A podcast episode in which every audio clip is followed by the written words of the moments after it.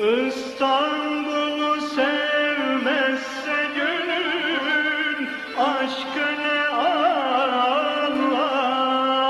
anlar aşkı ne anlar İstanbul kazan biz kepçe. Düşsün suya yer yersin eski zamanlar Geçmişin izlerinde gezintiler.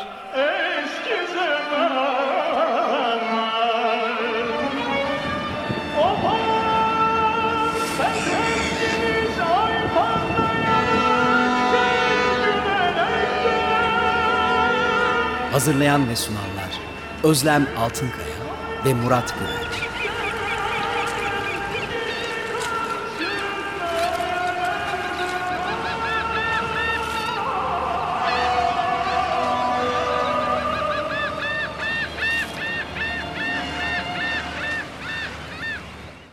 Evet merhabalar. Ee, Açık Radyo'da bir İstanbul Kazan Biz Kepçe programında daha beraberiz. Ben Özlem Altınkaya Genel. Ee, Yanımda hocam Murat Güvenç. Ee, Bugün altyapılardan bahsedeceğiz programımızda. Ee, Daha önceki programda e, köprüyle ilgili Galata Köprüsü ile ilgili e, uzun uzun konuşmuştuk. Ve Sermet Muhtar'ın buradaki çok incelikli anlatımından bahsetmiştik. Ancak altyapıların neden önemli olduğundan e, çok fazla bahsetmemiştik. Evet. E, o yüzden e, köprüye nereden geldik meselesiyle Ve köprü, Ee, köprüden neden ayrı- köprü Hı. e, meselesiyle bugün sohbetimize başlayabiliriz belki. Evet yani herhalde e, 19. yüzyıl sonu 20. yüzyıl başı e, İstanbul'unu anlatan bütün eserlerde köprü e, bir baş kahraman olarak belirir ve köprüsüz bir İstanbul anlatısı da e, e, mümkün değildir ama e, İstanbul'daki bu köprüyü köprüyü anlamak için İstanbul'un denizle ilişkisini oradan da on, ondan da önce bu ilişkiyi mümkün kılan bütün bir altyapılar sistemini iyice e, çözmek e, gerekir. Şimdi altyapı denildiği zaman e, modernist kent e, kuramı genellikle alt, altyapıyı biraz böyle e, bir uzmanlık alanı, şehir mühendisliği alanının bir parçası gibi görür.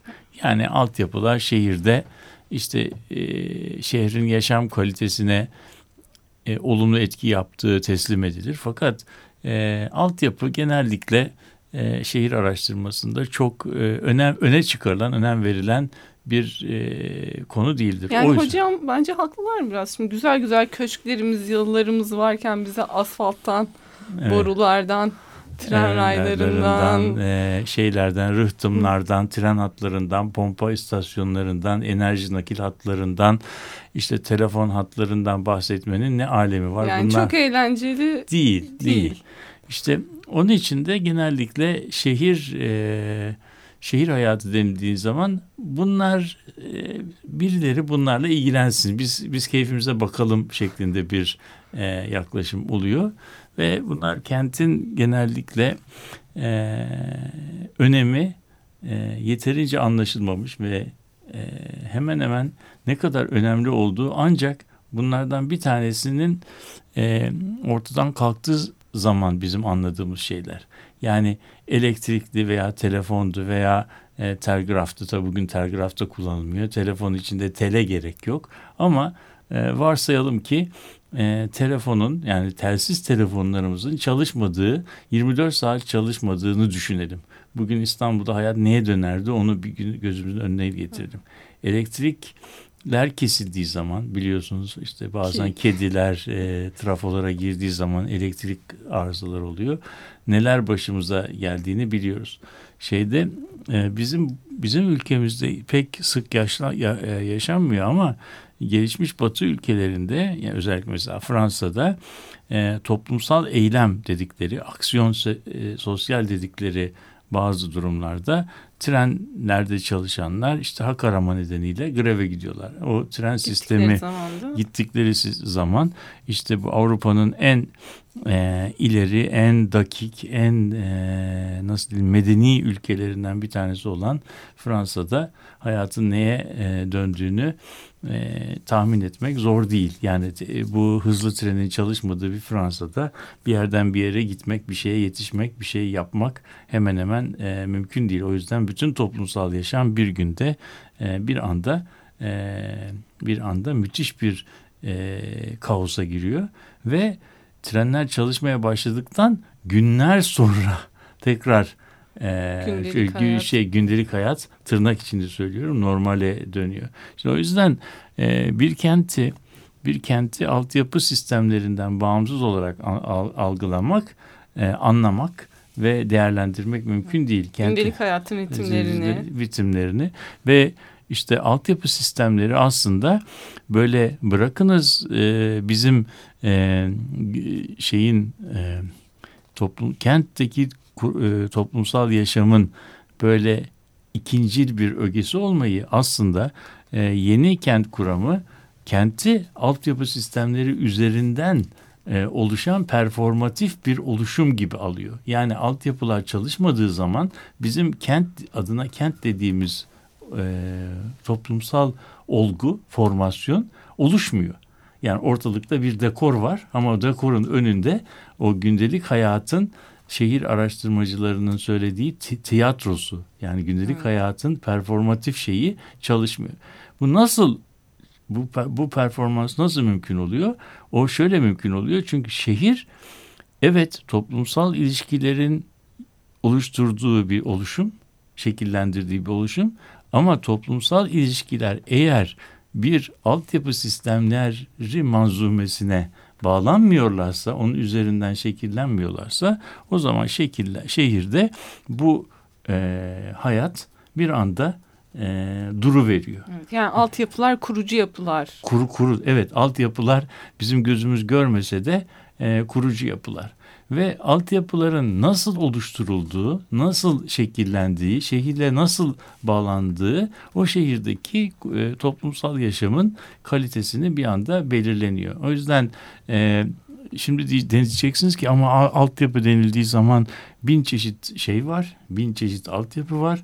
E, bu altyapıları nasıl e, gözümüz önüne getireceğiz ve bunlar nasıl e, kavramsallaştığı birbirleriyle nasıl ilişkilendirilebilir? Bu önemli bir soru. Pek ülkemizde de sorulmayan bir soru ama e, bu toplantımız içerisinde bunu e, bol bol örnekleme fırsatımız olacak. Yani köprüleri, rıhtımları, vapurları Vapurlar. e, konuştuğumuz Trenler, zaman tramvaylar. öyle tramvayları konuştuğumuz zaman. Ee, ama önce e, tarihsel ayrıntıya girmeden biraz kuramsal davranalım. Şehir e, e, yani kenti bir kamu malları ve kamu hizmetleri manzumesi olarak gören e, kamu malları iktisatçıları bu altyapıları üç farklı başlık altında ele alırlar. Biraz konferans gibi oluyor ama bir tanesi nokta gösterimli e, altyapılar, bir tanesi şebeke gösterimli altyapılar, bir tanesi de e, bir tanesi de kentin her yerinde hazır ve nazır olan herkesin e, yararlanabileceği altyapılar.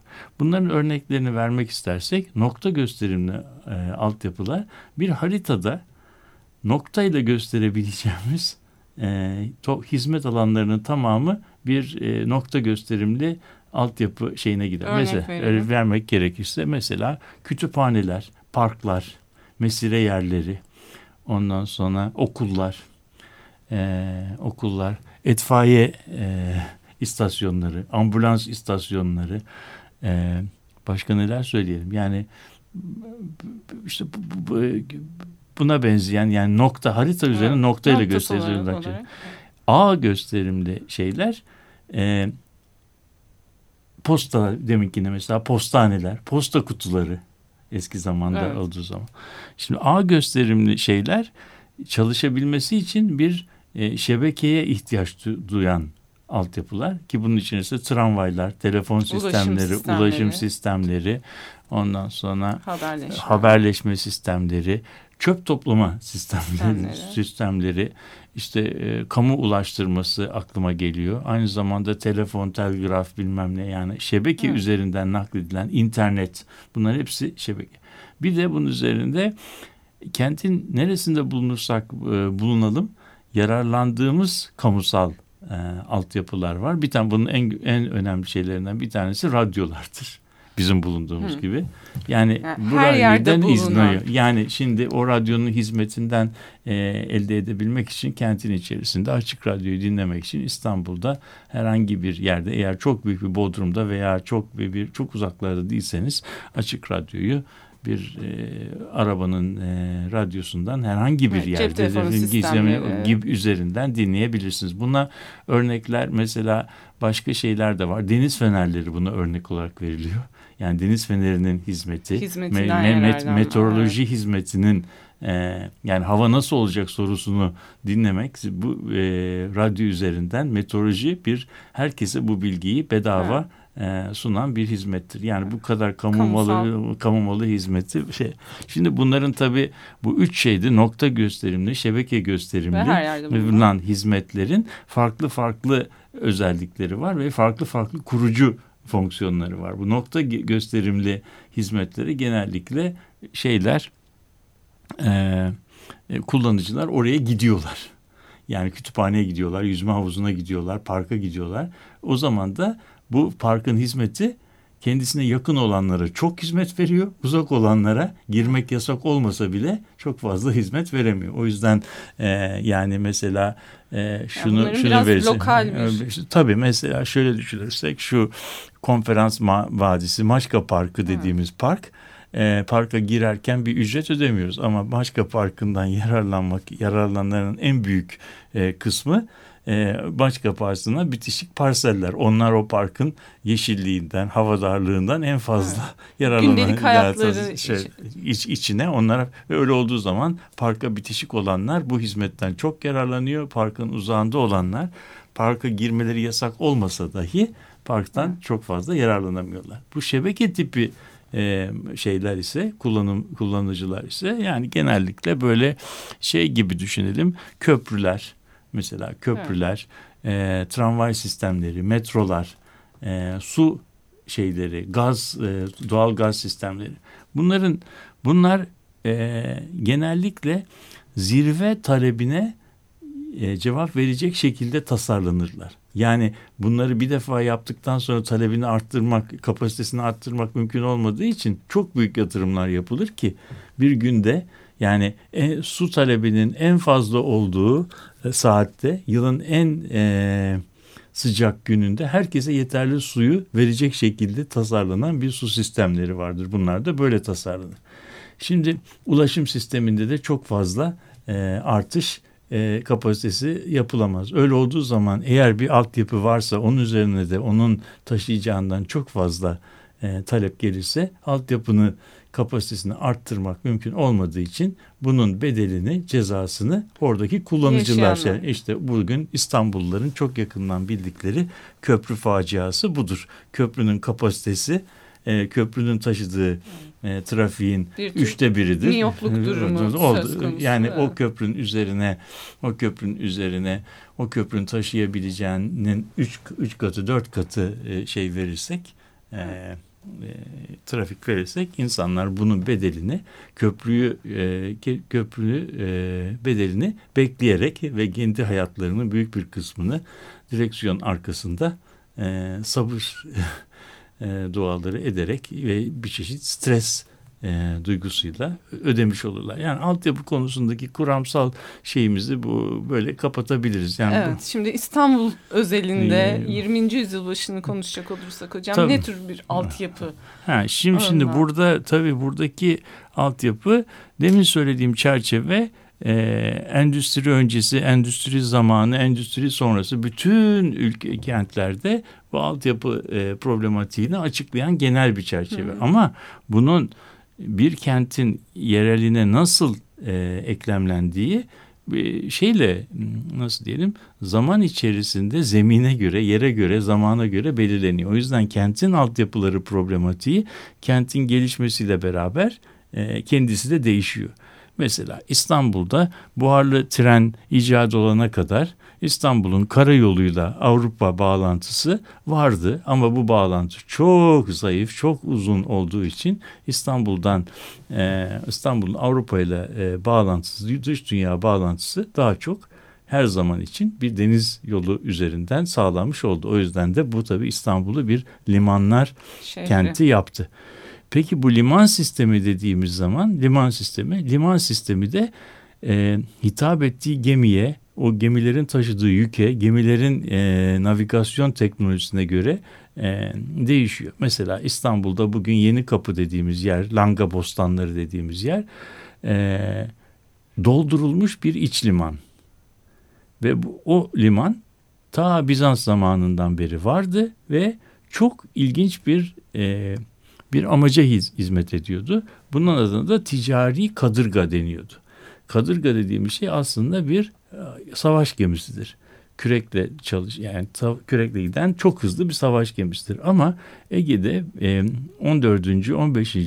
asırlara kadar ticari kadırga diye bir kadırga vardı. Yani ticari mal taşıyan ama kürekle giden gemiler ve bunlar da yeni kapıya e, yanaşıyorlar.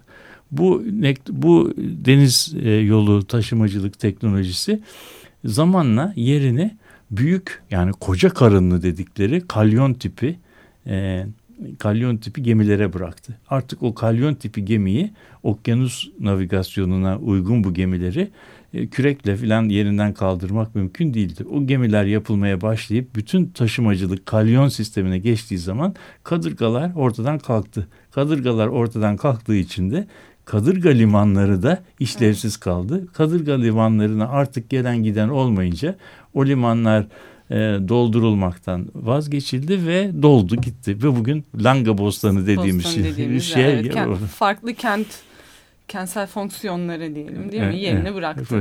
Evet. Bu şimdi e, bu, bu kadırga meselesi önemli çünkü çünkü niye oraya gidiyorlardı da Sirkeci'ye gelmiyorlardı? Orada da limanlar evet. vardı. Çünkü burada da Sarayburnu dediğimiz büyük bir Serak, bir bir, bir e, mania var. Oranın e, şeyini akıntısını kürekle dönmek her zaman için pek mümkün olmuyordu. Onlar onun için de İstanbul'a gelenler o e, Sarayburnu'ndaki evet, kuzeyden başlayan akıntıların son bulduğu yerle uğraşacaklarına akıntının hiç etkilemediği çok daha sakin bir yer olan Yeni Kapı'da bırakıyorlar. Şimdi tabii İstanbul'un altyapı e, altyapı e, tarihine e, baktığımızda İstanbul'un modernleşme tarihi aslında bir altyapılar tarihi. İstanbul'un e, yerel yönetim tarihi bir altyapılar tarihi aynı zamanda. Mesela İstanbul'da şeyin kurulması, e, işte belediyenin kurulması aynı zamanda vakıflar aracılığıyla e, sağlanan